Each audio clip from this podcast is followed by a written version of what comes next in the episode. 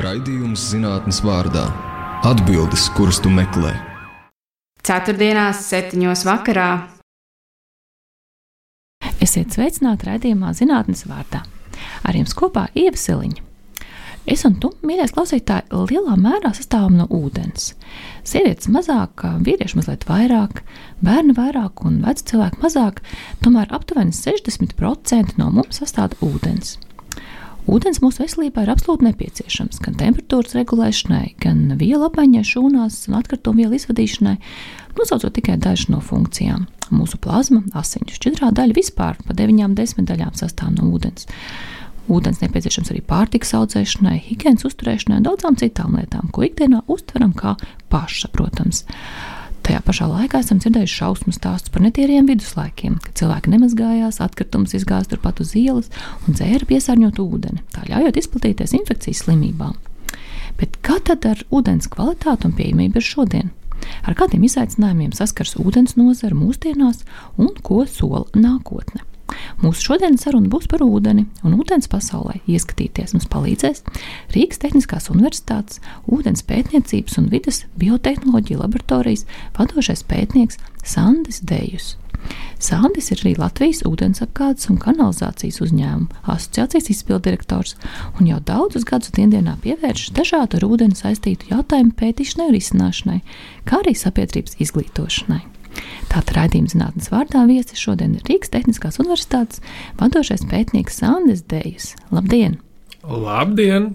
Sandi, nu laikam jānoskaidro no sākuma pats būtiskākais. Kādu ūdeni tu pats dzer? Garšīgu. Kurš tad tas garšīgais Garšīgu un svaigu ūdeni, un lielākoties atrodos Latvijā, tad lietoju krānu ūdeni.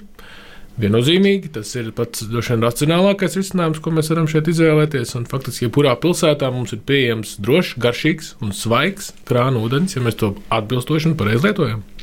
Um, vai es visur varu dzert krānu ūdeni, arī es kaut kur ceļoju? Tāpēc es arī teicu, ka es Latvijā lietoju krānūdeni. Faktiski taisnība ir tas, ka ceļojot, bieži vien tam ir jāpievērš uzmanība. It sevišķi ceļojot uz kādām eksotiskākām valstīm, tad viennozīmīgi iesaku papētīt šīs valsts ūdens situāciju, bet faktiski ceļojot rietumu pasaulē, kas ir Eiropa, kas ir Ziemeļamerika, noteikti par to nevajadzētu uztraukties un var droši lietot ūdeni no krāna. Tikai ir jautājums, vai tas būs garšīgs vai mazāk garšīgs. Un, jā, vai tu to izbaudīsi? Kā, Nu, arī kādas salas, teiksim, tā kā Madeira, Kanārijas salas, viss cits, kas nav kontinentāla Eiropa un atrodas okeāna vidū. Tas arī ir labs ūdens. Es domāju, ka noteikti tam vajadzētu būt labam ūdenim. Visā Eiropā ir vienādas būtībā ūdens kvalitātes un drošuma prasības. Līdz ar to arī, ja tu ceļosi uz kādām Eiropas kontinentā vai Savienībā esošām salām, es domāju, ka atkāpēm nekādām nevajadzētu būt. Un ūdens visticamāk būs drošs lietošanai. Un, bet, ja tas garšo aizdomīgi, ko tad? Garšo aizdomīgi. Nu, garš vispār ir tāds ļoti subjektīvs jautājums, vai ne? Līdz ar to katram cilvēkam šīs aizdomas vai, vai sajūtas par to, kā ūdenim jāgaršo, ir pavisam dažādas un atšķirīgas. Un faktiski jau cilvēka gaidas par to, kā ūdens garšo, aug tajā, kādu ūdeni viņš līdz šim ir lietojis. Un, Pat Latvijā no vietas uz vietas braukājot, ūdens garša var ļoti mainīties. Ūdens garša ir tieši atkarīga no tajā esošo sāļu satura. Pirmām kārtām, otrām kārtām arī gāzu satura ūdenī, vai tās ir vairāk vai mazāk. Līdz ar to cilvēkiem pat ceļojot Latvijas ietvarā, šī garša var likties aizdomīga un vairs varētu negribēties lietot ūdeni no krāna. Arī šis mans personīgais piemērs ir visu bērnību dzīvojot Liepājā, kur ir izteikti sāļiem bagāts ūdens ar izteiktu garšu. Pārceļoties uz studijām Rīgā, tad pirmos gadus bija nu, visnotaļ lielas problēmas. Nenovērtēju Rīgas ūdens garšu. Ne, nenovērtēju, bet neapzinājos to, ka tā ir tikpat laba kā liepājā. Tikai bija jāpierod pie ūdens garšas, jo tā atšķirās, jo sāļu saturs ir pavisam cits. Ir sevišķi Daugavas kreisajā krastā, kur ir virzemes ūdens lietots uz dzerama ūdens sagatavošanā. Līdz ar to ir pilnīgi cits garšu kopums, kurš tad liekas aizdomīgs vai mazāk aizdomīgs. No veselības puses, vai ir labi, ka tie sāļi tur ir iekšā vai kādas gāzes, vai jo plikāk, jo labāk? Nu, jo plikāk, jo labāk noteikti mēs varam nonākt līdz tēmai par destilētu ūdeni, kurš ir pavisam pliks ūdens, kurš ir H2O, kur lietot uzturā Es neesmu dzirdējis, ka kāds rekomendētu, jo dabai tāds niķis, ka daba mīl līdzsvaru. Un, ja tu lieto destilētu ūdeni uzturā, kurš ir pilnīgi tukšs, savukārt tavs ķermenis ir pilns ar sāļiem, minerāļiem un dažādām labām vielām, tad ar šo destilētu ūdeni vienkārši izskalo no sava ķermeņa dažādas šīs labās vielas un mikroelementus un makroelementus, kas tev vajadzīgs ir veselībai. Līdz ar to, nu, vai pa daudz uzņemt šos sāļus un minerāļus no dzerāmā ūdens, es droši vien apšaubītu, jo tad mums būtu jāizdzer nevis litriem, bet kubikmetriem noteikti ūdens, lai tas akumulētos mums locītavās vai kādā citā vietā. Jo, piemēram, Latvijā visbiežāk sastopamie šie sāļi un minerāļi ir kalcijs un magnīs, kas ūdenī, kas rada šo ūdens e, cietību, jeb kaļķi, kas cilvēkiem nepatīk bieži vien, bet faktiski mēs zinām, ka kalcijs ir ļoti svarīgs mums e, zobiem, kauliem. Un magnīs tāpat ir smadzenēm viens no vajadzīgākajiem mikroelementiem un arī muskuļiem. Līdz ar to mums tas ūdenī ir. Un veidojās tāds uh, dabīgs fons, lai mūsu ķermenis dzīvotu ilgi, laimīgi un veselīgi. Bet, nu, ja man ilgi, laimīgi dzīvojot, blakus nav gadījies tas krāns, vai es, piemēram, varētu dzert kādu upes ūdeni vai ezeru ūdeni Latvijā? Ko tu saki? Nu, ar to ir līdzīgi kā ar sēnēm. Jebkura sēne ir vienreiz ēdama, vai ne? Mērķis jau ir atkārtot dzert. Jebkuru ūdeni var vismaz vienreiz padzerties, bet faktiski no virzemes ūdens tilpnēm ūdeni patiešo eh, dzert. Uh, nu, nevajadzētu, jo tur ir iespējams visbiežāk tas, kas tev radīs kaut kādas nepatīkamas sajūtas, mikrobioloģiskais sastāvs, kurš varētu radīt sīkas dzīves būtnes. Mazie zvēriņi, kas dzīvo ūdenī, kas, kas var radīt eh, vēdera graidzes, var radīt galvas sāpes un nepatīkamas sajūtas. Līdz ar to labāk eh, neapstrādāt ūdeni no virzemes avotiem, kas ir ezeri un upes, nelietot. Ja tas ir kāds avotiņš, nu, tad vēl var droši vien eh, ar kaut kādiem piesardzības pasākumiem arī to darīt. Bet tāpat no upes pasmelt un padzerties. Nu, ir reizes, kad nekas nenotiks, bet ir reizes, kad tu būsi pēc tam kāds trīs dienas nelaimīgs. Um, ja es uzvāršu ūdeni, ar to pietiek, vai vajadzētu vēl kādu filtrāciju vai ko vairāk? Nu, kā jau minēju, tad visbiežāk šī problēma varētu būt saistīta un ir saistīta tieši ar šiem maziem zvēriņiem, kas ir ūdenī. Līdz ar to vārot ūdeni, tu šos zvēriņus nonāvē vai no izvāra. Tāpat jā, tikai. Vi, viņi sasprāgst viņu membrānas, līdz ar to viņi vairs nav dzīvot spējīgi, viņi to neko vairs nevar nodarīt. Tāpēc faktiski no tāda drošuma viedokļa varētu būt pietiekami arī tas, ka Latvijas apstākļos noteikti novāra un, un, un ūdens jau paliek droši. Protams, vietās, kur ir teiksim, virzemes ūdeņi piesārņotāki ar dažādām ķimikālijām, no rūpnīcām, no kaut kādām uh, piesārņojuma vietām, nu, tur jābūt daudz piesardzīgākiem. No Latvijas mums tomēr šie virzemes ūdeņi ir salīdzinoši tīri un droši, tāpēc um, ar vārīšanu varētu arī, arī tādiem e, pirmajiem padzēšanās reizēm pietikt, bet faktiski vienmēr tomēr būtu jāmeklē kāds e, drošs, centralizēts ūdensapgādes ūdens. Vai pēc garšas var pateikt, ūdens ir vai nav labs? No. vai tie mazie zvēriņi, kas dos galvas sāpes pēc kaut kā garšu? Noteikti mazie zvēriņi ir viena no tiem, kas reizēm rada šīs aizdomas par to, ka ūdens ir neatbilstošas kvalitātes. Un faktiski jau uh, nu, to pašu upes ūdeni vai, vai, vai kādu citu virzemes ūdeni iesmaļot glāzē, jo tomēr arī var sasmažot, kad viņš kaut kā reizēm nepārāk labi smaržo. Bet, jebkurā gadījumā, to es patiešām neieteiktu lietot. Un, vai krāna ūdenī var pateikt, ka ūdens nav labs pēc smaržas vai sagaršot to. Uh, Es gribētu teikt, vairāk, ka nē, ir vairāk šīs aizdomas vai, vai, vai mm, gaidu nepiepildījums par to, kā ūdenim būtu jāgaršo. Bet par drošību tas noteikti visbiežāk neliecina. Bet kā tas var pārliecināties, ka tas ūdens, ko es dzeru, ir augsts kvalitātes? Tavā vietā daudzi, jo daudz inženieri un, un, un mm, jā, eksperti par to pārliecinās dienu dienā. Eh, katrā vietā, katrā pilsētā, kur ir centralizēta ūdensapgādes sistēma, ikdienā tiek ņemti ūdens paraugi, analizēti, un tie tiek ņemti ne tikai ūdens sagatavošanas ietaisēs, bet visā tīklā, piemēram, visas Rīgas plašumā, ir vairāki desmit vietu, kur ikdienā tiek ņemti ūdens paraugi un analizēti. Un ūdens eh, šie procesi nav, varētu teikt, tik ļoti dinamiski vai tik ļoti uh, var rasties kaut kādas neplānotas piesārņojumi, lai arī tavā mājoklī ūdens nebūtu drošs. Bet, ja tev tomēr gribās pārbaudīt, vai tiešām tavās mājās ir drošs Un, nu, garšīgs, laikam, nē, garš, garš tu pati nosaki, vai ir garšīgs, bet drošs šis ūdens, vai ir, tad ir iespējas nodot šos ūdens paraugus akreditētās laboratorijās. Latvijā ir vairāk desmit akreditētu laboratoriju, kas pārbauda ūdens kvalitāti un arī pārliecināties par to, vai, vai tas atbilst ceramā ūdens nekaitīguma prasībām, kas ir noteikts gan Latvijā, gan Eiropā. Nozīmē, ka, ja es, piemēram, dzīvotu privāti mājā, man būtu sava aka, man droši vien būtu gudri iet nodot šīs analīzes laiku pa laikam. Um, no, nu, gan no zinātnes, gan no nozares puses mēs tomēr jā, tā arī iesakām. Ja tu esi pieslēgts pie centralizētas ūdensapgādes sistēmas, tad tavā vietā to Latvijā rūpējās aptuveni 3000 cilvēku, kas ikdienas strādā ūdensardzības uzņēmumos. Bet, ja tas, tas ir tavs urbums vai tava aka, Mēs tomēr iesakām vismaz reizi gadā paņemt šo ūdens paraugu un nogādāt akreditētā laboratorijā. Un kāpēc pat reizi gadā? Varbūt nevis retāk, tāpēc ka šobrīd arī mūsu paradumi būtiski mainās. Mēs lietojam daudzkārt vairāk ūdeni nekā lietoja mūsu vecāki, piemēram. Viņi lietoja 5 līdz 6 reizes mazāk ūdeni ikdienā nekā mēs.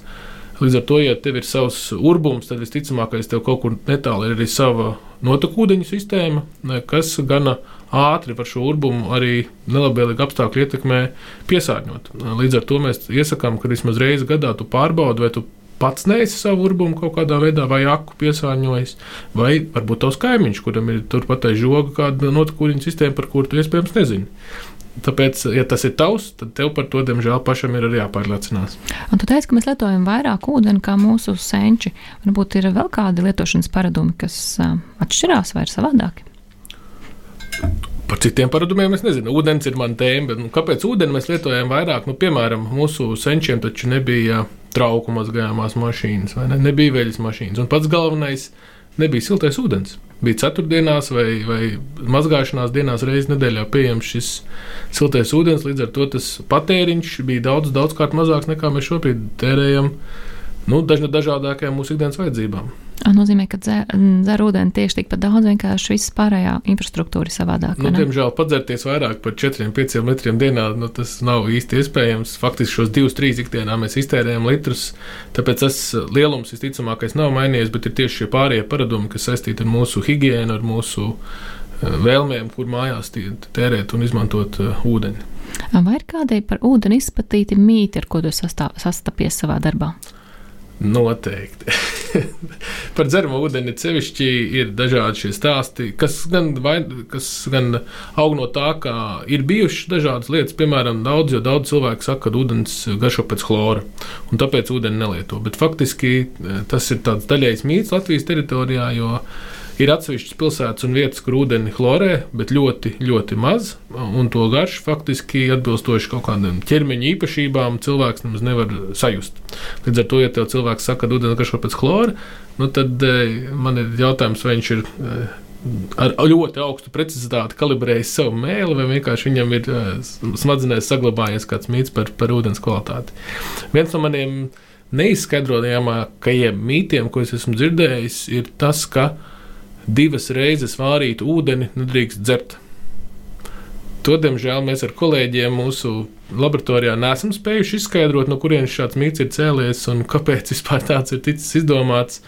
Jo tajā nav vismaz mūsu ieskatā absolūti nekādu zinātnisku pamatojumu vai skaidrojumu, kāpēc un kas būtu noticis ūdeni otro reizi vārot. Uh, ūdenī kaut kā nav tur nekāda lieta, kas varētu tik ļoti izmainīties un vispār mainīties, lai apdraudētu cilvēku veselību. Vienīgais, kāpēc divreiz vārīt ūdeni varētu nedzert, ir tas, ka tavs, tavu teikānu būs patērējusi vairāk elektrības. Labāk ielikt pusglāzi, puskrūzi vai, vai krūku un uzsildīt, un atsevišķi katru reizi darīt atsevišķi, nevis divreiz sildīt, jo tagad ir taču jātaupa elektrība. Un kā ar visiem struktūrētajiem ūdeņiem, ūdeņiem, kas uztver informāciju, kristālu, vibrācijas un citas labas lietas? Ir jāsaprot tas, ka ūdens ir fantastisks bizness. Ūdens ir viens no pelnošākajiem biznesiem pasaulē. Katram vajag, vai ne? Katram vajag, un ir ļoti vienkārši veidot uzcenojumu. Un, e, līdz ar to un prasības būtībā šobrīd, piemēram, Eiropas Savienībā krānu ūdenim un fasātajam ūdenim ir ļoti, ļoti līdzīgas. Un faktiski fasāta ūdens gadījumā tu nepārto ūdeni, bet tu pārdod stāstu. Un stāsts lielākoties, ko mēs redzam arī mārketingā, ir eh, pamatots ar dažādām eh, neizmērāmām lietām, ar dažādiem eh, tādiem stāstiem un leģendām par to, ar ko šis ūdens ir īpašs un apveltīts. nu, par šīm struktūrām un par kaut kādām tādām lietām tas jau ir tā, jau fundamentāli tāds jau saprotams, ka tas virziens ir pavisam e, tāds imaginārs vai izdomāts, bet nu, te pašā laikā man ļoti patīk, piemēram, vegetārais ūdens vai maskaloriju ūdens, jo, nu, faktiski, kāds ir tas nevegetārais ūdens, tur kaut kāda, nezinu, karbonāda ir pamērcēta, vai, jā, vai, vai, nu, vai tur, jā, zivs pildējuši, vai, vai arī, nezinu, govs staigājis pa to lauku, kur tas urbums ir bijis, nu, līdz ar to ir šie daudzie dažādie stāsti, kā tad to būtībā vienu to pašu produktu pārdot pat pēc iespējas lielāku cenu. Tāpēc arī ir jāpadomā kritiski, vai tiešām tas ir iespējams. Man laikam uzrunās stāsts par alpu avotiem un tīrajiem ūdeņiem, bet tur arī jāpēt, no kurienes ūdens ir radies, vai ne? Alpos noteikti ūdens varētu būt gan kvalitīvs, gan jā, drošs, tā, jo lielākoties tas ūdens ir svaigi kusis, ledāja ūdens, kas, kas varētu būt ar savām īpašībām, ar garšas īpašībām, kas noteikti lielai daļai cilvēku varētu likties gan specifisks un garšīgs. Jā. Tur droši vien nevar apšaubīt. Šis raidījums zinātnes vārdā ir kopā Ievasiliņa. Viesos mums šodien Latvijas ūdens apgādes un kanalizācijas uzņēmuma asociācijas izpildirektors Sandes Dejus. Iepriekš runājām par dzeramā ūdens kvalitāti, tagad gribētos parunāt par tavu pētniecību. Saka, Santa, kā tu vispār nonāci ūdens pētniecībā? Netīšā. Nu, kaut gan tas bija tāds, gadījās iekrist. Tāds loģisks turpinājums tas bija, jo jau no 14 gadu vecumā es šajā ūdens nozarē esmu bijis, sākot ar e, tranšēju rakšanu, cauruļu montēšanu, tad tālāk jau kaut kādām projektēšanas niansēm un darbiņiem, un tālāk jau ar pētījumu maģistra darbu ietvarā. Un tad jau kaut kur pa vidu arī sāku strādāt e, universitātē, dažādos mazos amatiņos, un tā pētniecība ar sekojošu doktorantūru un turpinoties jau Eh, pētnieku darbam bija tikai tāds loģisks turpinājums, ko, ko redzēju mūsu ūdens pētniecības un biotehnoloģijas laboratorijas ietvarā, kas ir arī nu, viena no tādām reģionā atzītākajām eh, ūdens pētniecības eh, laboratorijām, kas, kas likās atbilstoši izaicinājumiem, bagāta un, un arī gan personīgi, gan nozarei ļoti svarīga, svarīgs virziens un jā, nepieciešamība.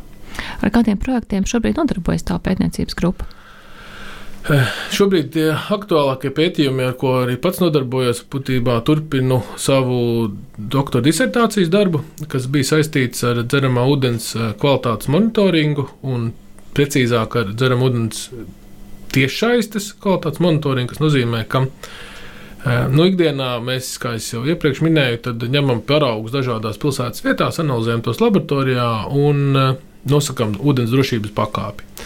Eh, bet eh, faktiski jāsaprot arī tas, ka ūdens ir pilns ar šiem mazajiem zērņiem, ar šo dzīvību, eh, kas ir normāli un kas ir no ķermenim ļoti vajadzīgi. Mūsu ķermenis ir pilns ar miljardiem mazo zvēriņu, un katrā pilienā ūdens arī ir vairāki desmiti vai simti tūkstoši mazo zvēriņu. Un, Latvijas apstākļos varbūt tas nav tik ļoti aktuāli, bet pasaulē ir ļoti daudz vietas, kur šiem maziem zēriņiem ūdenī ir labvēlīgi apstākļi. Viņiem ir silts, viņiem ir ko ēst, viņi vairojās. Un, eh, līdz ar to parādās ūdens kvalitātes teikt, dinamika.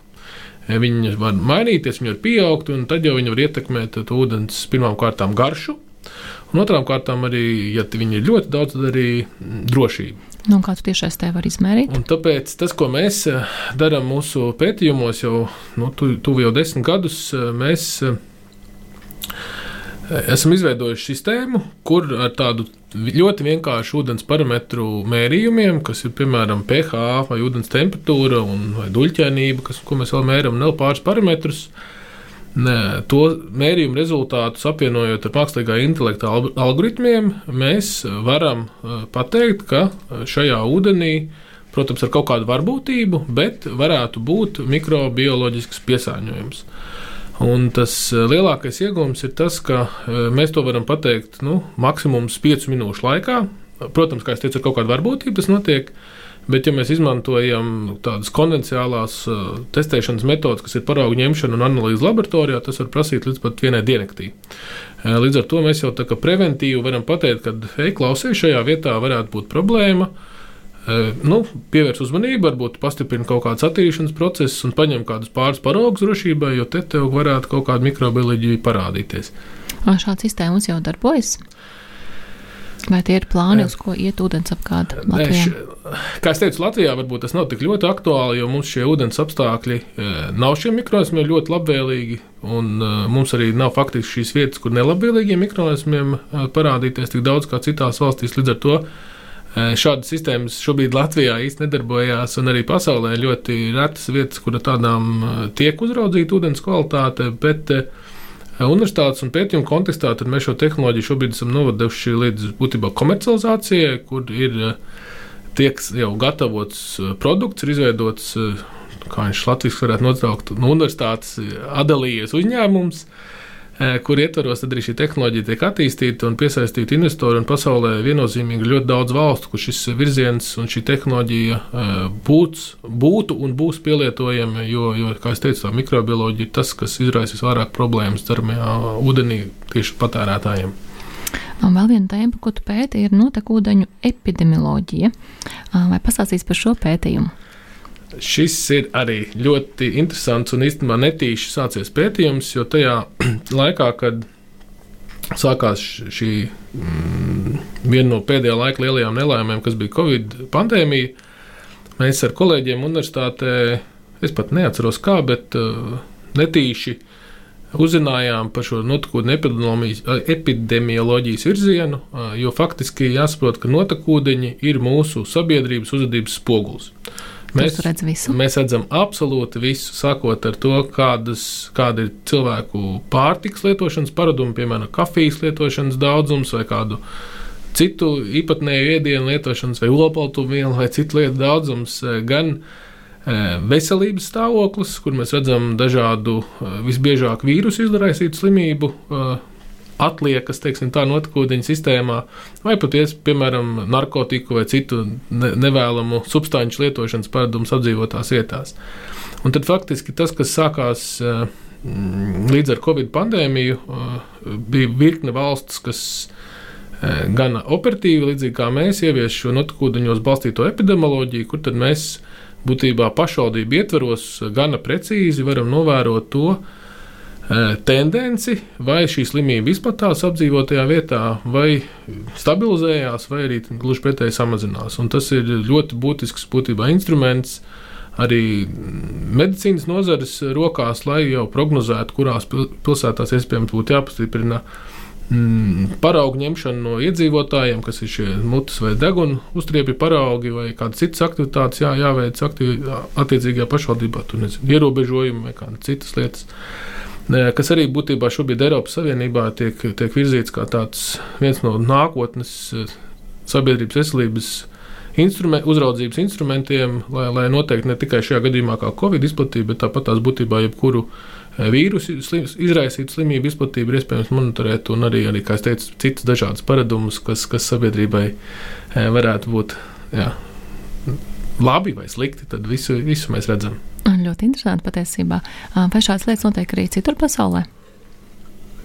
Arī citur skatās, cik daudz kafijas Jā. ir izdzerts un kādām slimībām cilvēks slimo. Jā, kā, es, kā es minēju, tad par šīm slimībām šobrīd arī Eiropas Savienībā būtībā ir jaunajā notekūdeņa direktīvā uz šāds virziens iezīmēts kā viens no ieviešamiem virzieniem gana plaši, kas ir saistīts ar tieši ar medicīnu, bet pašā laikā ir arī virkne dažādiem Eh, citiem novērojumiem Latvijā, gan mēs to mazāk esam darījuši. Tur ir, jā, Latvijā ir ar farmācijas vielām vairāk pētījumu bijuši, bet ārzemēs, piemēram, ļoti aktīvi tiek pētīts uh, narkotiku lietošanas paradumu uh, daudzums dažādās pašvaldībās. Un, piemēram, ir iespējams tas, ko Nīderlandes kolēģi ir izdarījuši, aplēst, cik liels ir šis bizness. Vai arī otra lieta - atrast pilsētas, kurās šīs narkotikas tiek veidotas. Jo ir nu, tipiskā mūsu ikdiena, vai ne mūsu, ne, bet nu, Ballīšu ikdiena, teiksim, tā ir, kad piekdienas un sestdienas droši vien būs tās dienas, kad e, šīs, šīs vielas tiek lietotas vairāk. Līdz ar to notikuņos būtu loģiski redzams, šādi pīķi nogalēs. Nu, bet e, tie kolēģi pētījumi liecināja par to, ka, piemēram, vienā pilsētā otrdienā parādās nenormāls un neadekvāts šo vielu pīķis. Un, e, līdz ar to, analizējot, analizējot situāciju, tika konstatēts tas, ka Tajā pilsētā notiek ražošana, un vienkārši tajās dienās notiek teiksim, tā katlu mazgāšana. Un, un visas šīs vielas tiek novadītas kanalizācijā, un ļoti skaidri parāda to, ka ir kaut kāda intensīva, darbība ar šīm vielām konkrētajā pašvaldībā bijuši. Tā kā pasaulē arvien vairāk šajos notikumus skatās, un to var izmantot dažna dažādākajos, gan teicu, medicīnas, gan likumsargu. Uh, ikdienā, gan, gan citos virzienos. Jā. Cik tālu var izsakot šīs vielas? Pašvaldības līmenī, vai, teiksim, var pateikt, kur precīzāk notiek šī katla mazgāšana un citas lietas? Noteikti, kad var izdarīt arī pat līdz konkrētai adresē, tikai jautājums ir, cik tas maksā, jo katrs paraugs ir gan uh, finanšu intensīvs, uh, un ir gan dārgi to noanalizēt, bet šobrīd lielākoties šie pētījumi notiek pašvaldību, jeb pašvaldību notekūdeņa attīstīšanas iekārtu ietvarā, kur, kur vēro šīs tendences jau, jau visas konkrētās pašvaldības ietvarā. Nozīmē, ka viena tēma, kas tiek aktuāli pētīta pasaulē, ir šis ūdens kvalitāte, un otra, kas notiek ar ūdeni pēc tam, kad cilvēks ir darījis to lietu, ko viņš ir darījis. Nu, Tas tā, diemžēl, ir. Vai par laimi, ja no ūdens mēs e, sastāvam un izdzīvot bez viņa nevaram. Savukārt, notekūdeņi ir tā, tā lieta, kas no mums neizbēgami rodās. Tāpēc arī šī notekūdeņa epidemioloģija ļoti aktualizējās, jo tajā brīdī, kad mēs saslimstam, mēs nevienmēr dodamies pie ārsta. Bet mēs vienmēr dodamies uz balto porcelāna brīnumu, vai ne? Un to mēs nevaram fizioloģiski atturēt. Līdz ar to nu, būtībā šis, šī analīze, šis materiāls parādās jebkurā gadījumā notikuma netīšanas iekārtās, līdz ar to pat eh, jā, priekšlaicīgi mēs spējam konstatēt to, ka, ka šī saslimšana iespējams ir ienākusi pašvaldībā. Ja šis iedzīvotājs tomēr saņemās, aiziet pie ārsta, tomēr tās ir divas līdz trīs, varbūt pat piecas dienas līdz tam brīdim, kad medicīnas nozare pasaka, ka še, hei, šeit ir saslimis eh, cilvēks. Ko rāda šobrīd dati Latvijā? Varbūt var mums padalīties. Šobrīd dati eh, rāda stabilas tendences, un ar viņiem mēs dalāmies katru nedēļu. Ir Bior eh, mājaslapā katru nedēļu tiek publicēti aktuālie dati par izplatības tendencēm Latvijā. Faktiski šobrīd ir tāds stabils periods, eh, kad šī saslimstība mazliet no, jā, samazinājās pēdējo mēnešu laikā, un tagad, tagad jā, kā es teicu, ir stabila, bet visticamāk, tomēr, ka mēs kaut kādu pieaugumu būsim spiesti sagaidīt. Vai šie dati jau tiek analizēti uz citām vielām, vai tiek sakrāti, lai varētu vēlāk to analizēt?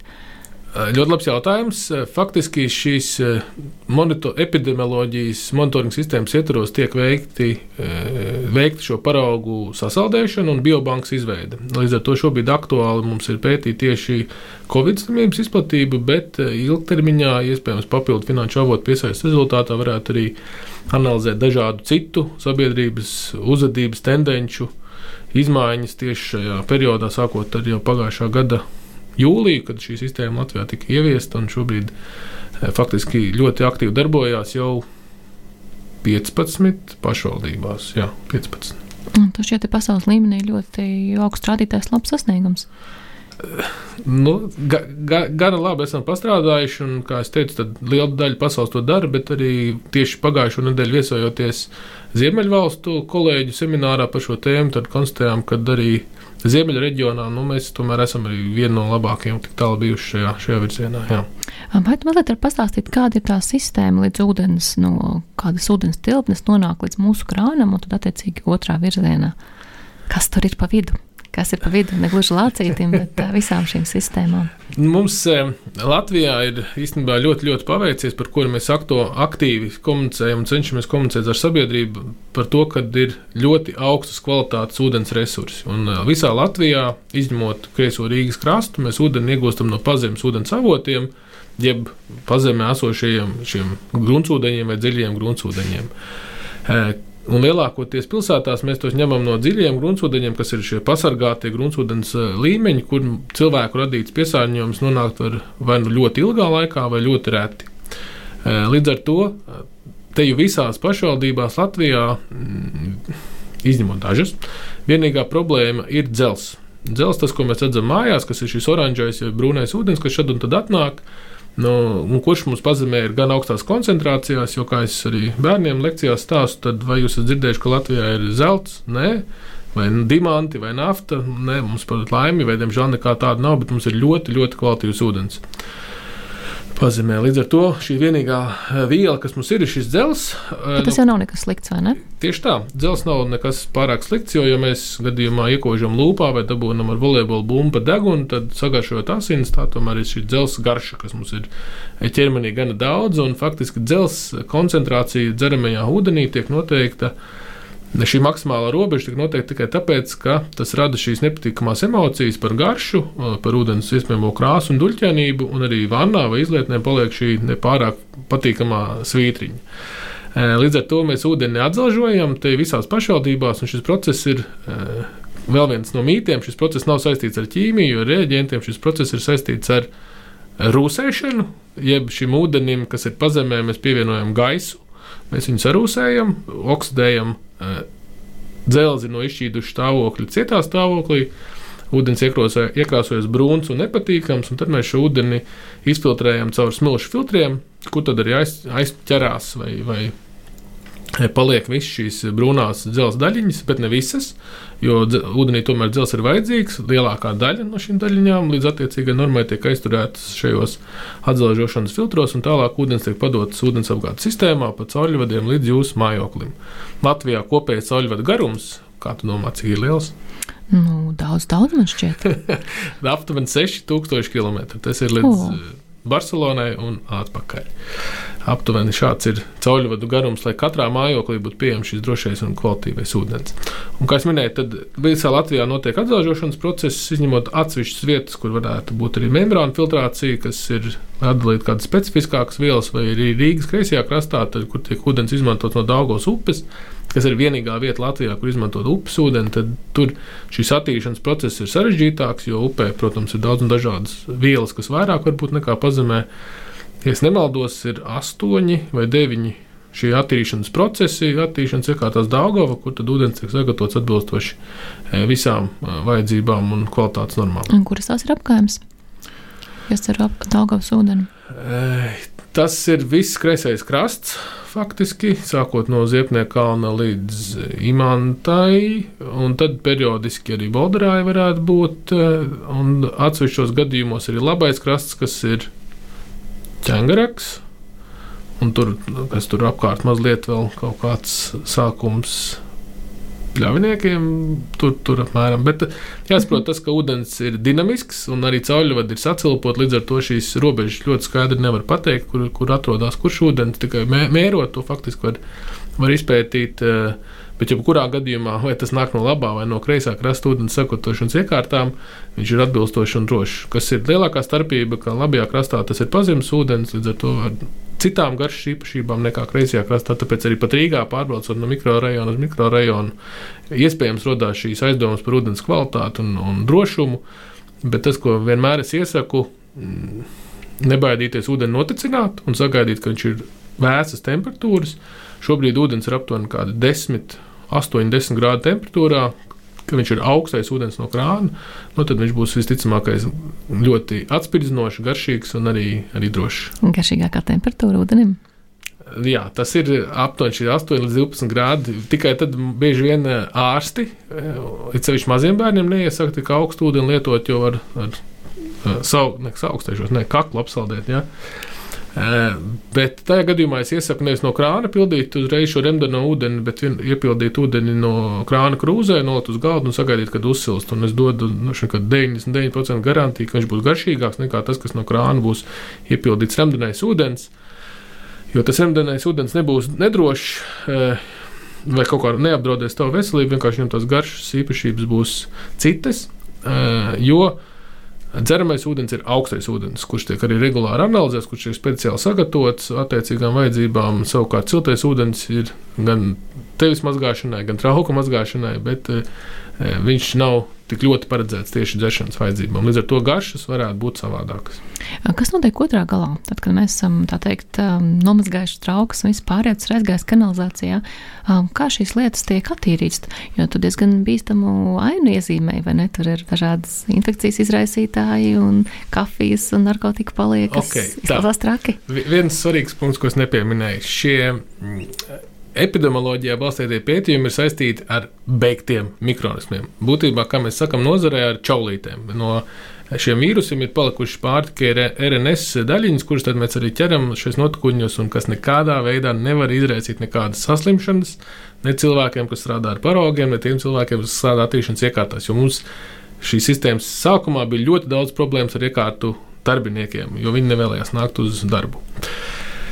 Bet eh, kā tiek attīrīti notekūdeņi, faktiski jau visās pilsētās ir izbūvētas sadzīves notekūdeņu attīrīšanas iekārtas, kurās tad eh, būtu, kuras ir paredzētas attīrīt eh, notekūdeņus no cilvēku radītiem piesārņojumiem. Un šie procesi, kas, kas īsteno šo notikumu attīstīšanu, ir vienkārši pirmais process, ir nostādināšana vai smago daļiņu izsēdināšana, kas var būt kaut kādas smiltis, vai kaut kādi citi grūži, kas notikuņos varētu būt nonākuši dažādu iemeslu dēļ.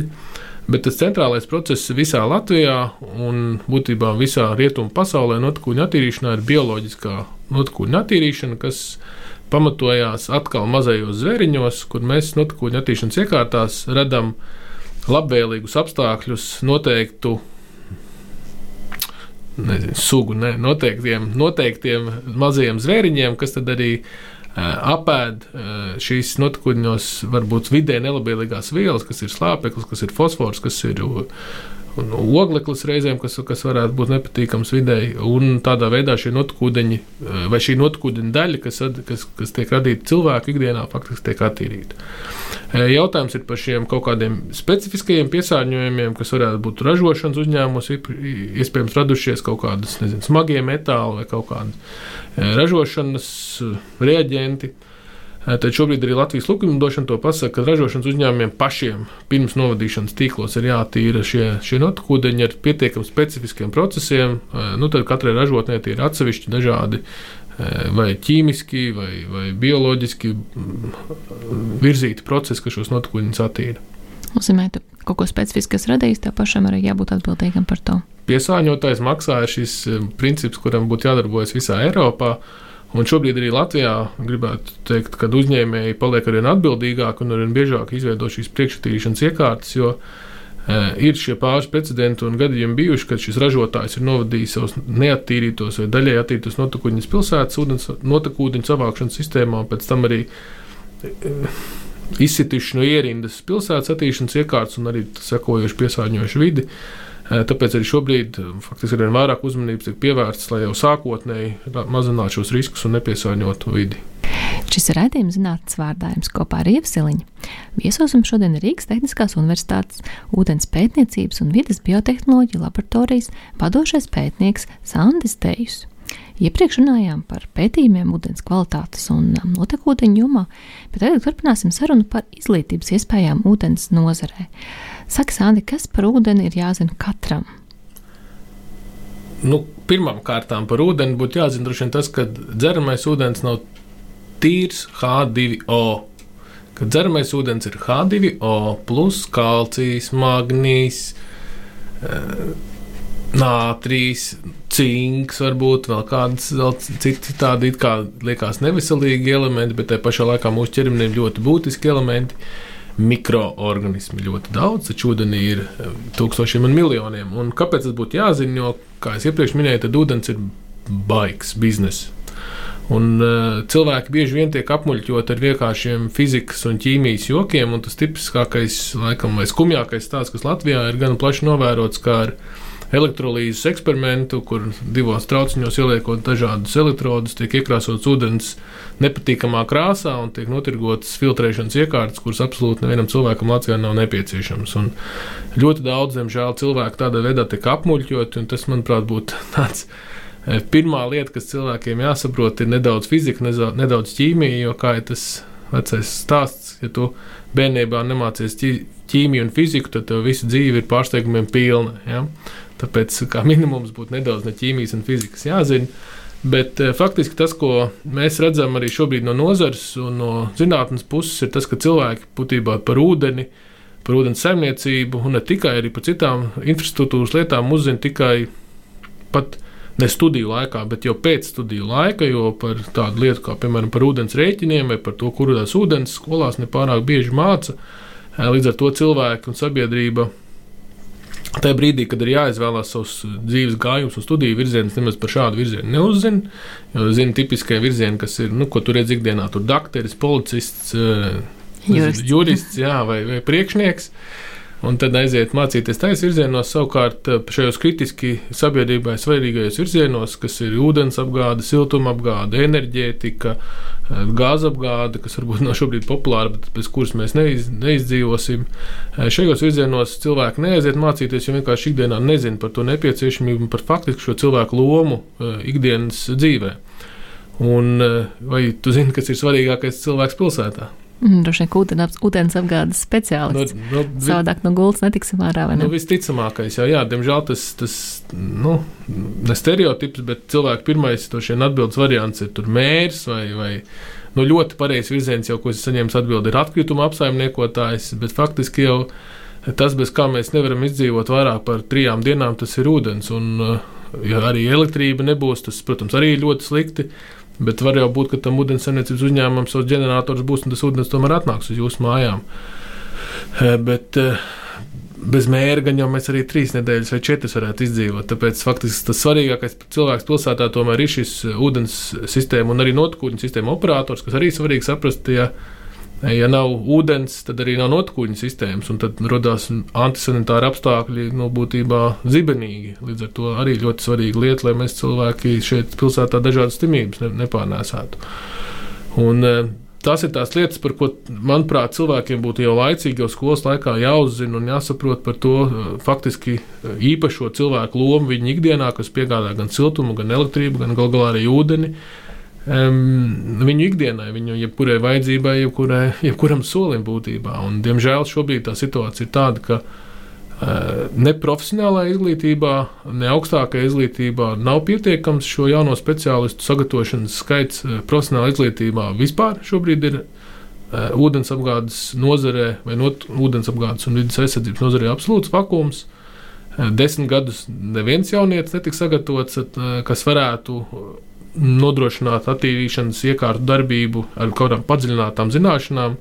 Faktiski visus mēs apmācām uz vietas, un esam priecīgi, kad jebkurš vai jebkāds atnāk pie mums strādāt, tad viņu apmācām. Eh, Kā arī augstākā izglītībā mēs eh, sagatavojam nu, divus eh, līdz kādus astoņus, varbūt maksimums cilvēkus gadā, kas eh, nodrošina ne tikai šos ūdensapgādes uzņēmumu eh, darbību, bet arī projektēšanas, būvniecības darbus. Līdz ar to šis skaits ir absolūti nepietiekams šobrīd. Un, un man personīgi eh, paliek bail, un ir bail par to, kā mūsu sabiedrība funkcionēs pēc 10, 15 gadiem, jo šobrīd mēs vēl turamies teikt uz veco inženieru pleciem, kas ir nu, padomju skolas inženieri lielākoties, kuri šo smagumu var iznest un šos tehnoloģiskos jautājumus risināt, bet, bet eh, viņu drīz vairs nebūs. Un kas notiks tad?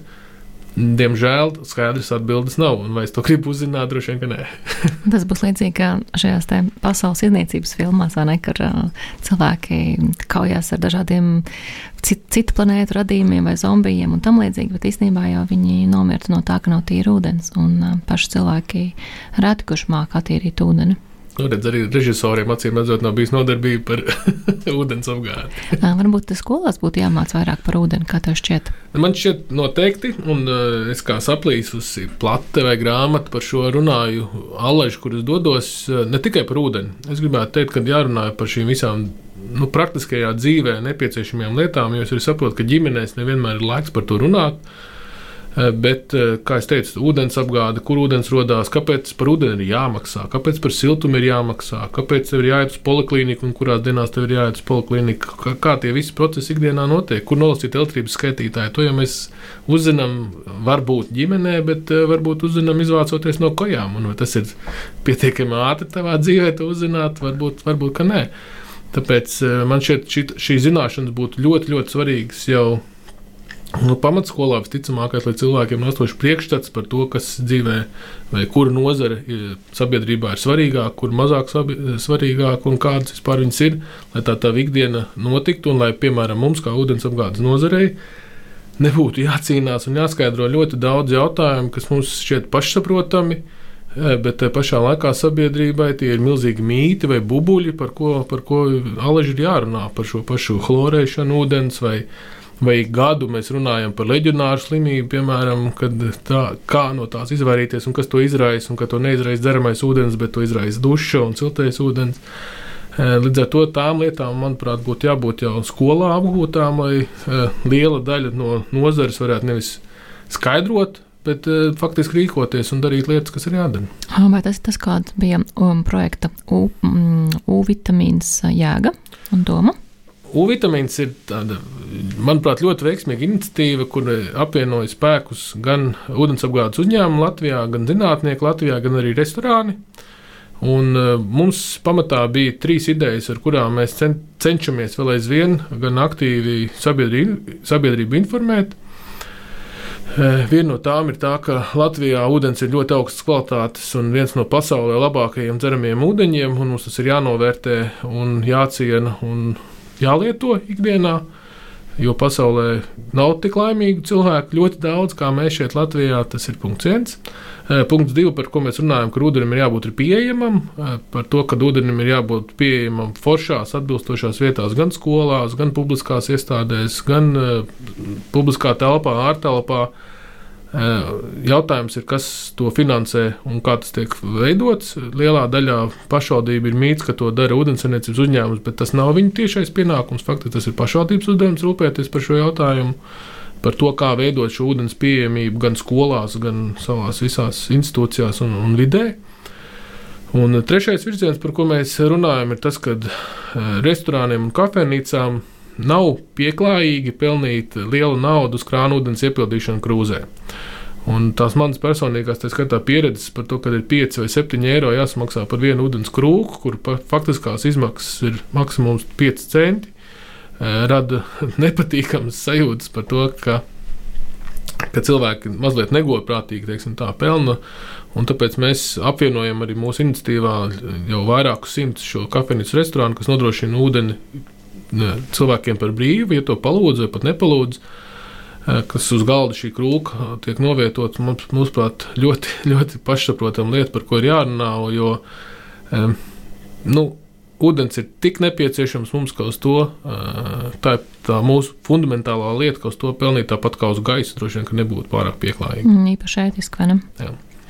Nobeidzot sarunu, kādi ir tavi nākotnes plāni šajā jomā? Redzēt daudzus cilvēkus nozarē. Ne, nākotnes plāni noteikti ir saistīti ar to, ka ir jāveido šī sadarbība starp zinātni, starp eh, nozari. Būtībā viens no tādiem lieliem izaicinājumiem, arī, kas ne tikai ūdensēmniecības nozarē, bet arī zinātnē, ir tas, ka eh, zinātnes pētījumi bieži vien nav saistīti ar ikdienas eh, problēmām. Jo zinātni virza augstas kvalitātes kaut kādi pētījumi, kas ir pasaules mēroga, bet šeit pat mums ir bieži vien citas problēmas, kuras netiek pētītas. Līdz ar to eh, nenotiek šis dialogs starp nozari un, un zinātni. Tas ir viens no ne, nenoliedzamiem virzieniem, kuros es redzu savu darbu, savu ieguldījumu tuvākajā nākotnē. Eh, tulkot šīs vēlmes, šīs prasības, kā īstenot šos pētījumus un nodrošināt jebkurā mājoklī Latvijā dzeramu ūdeni arī ne tikai šodien, arī pēc 10 un 20 gadiem. Un paldies, mums tas tiešām ir ļoti, ļoti vajadzīgs. Sāndi tiešām priecājas tiem atklājumiem, novēlu arī panākums arī turpmāk. Atgādinu, ka raidījumā zinātnes vārdā bija ūdens pētnieks Sandis Dejus. Studijā bija Ievasilīņa. Lai sekot jaunumiem mūsu radio, atcerieties piecakot at radionabu kanāliem, sociālos tīklos Facebook, Twitter un Instagram. Lai jums visiem citrs vakars! Atā! Raidījums zinātnes vārdā - atbildes, kuras tu meklē.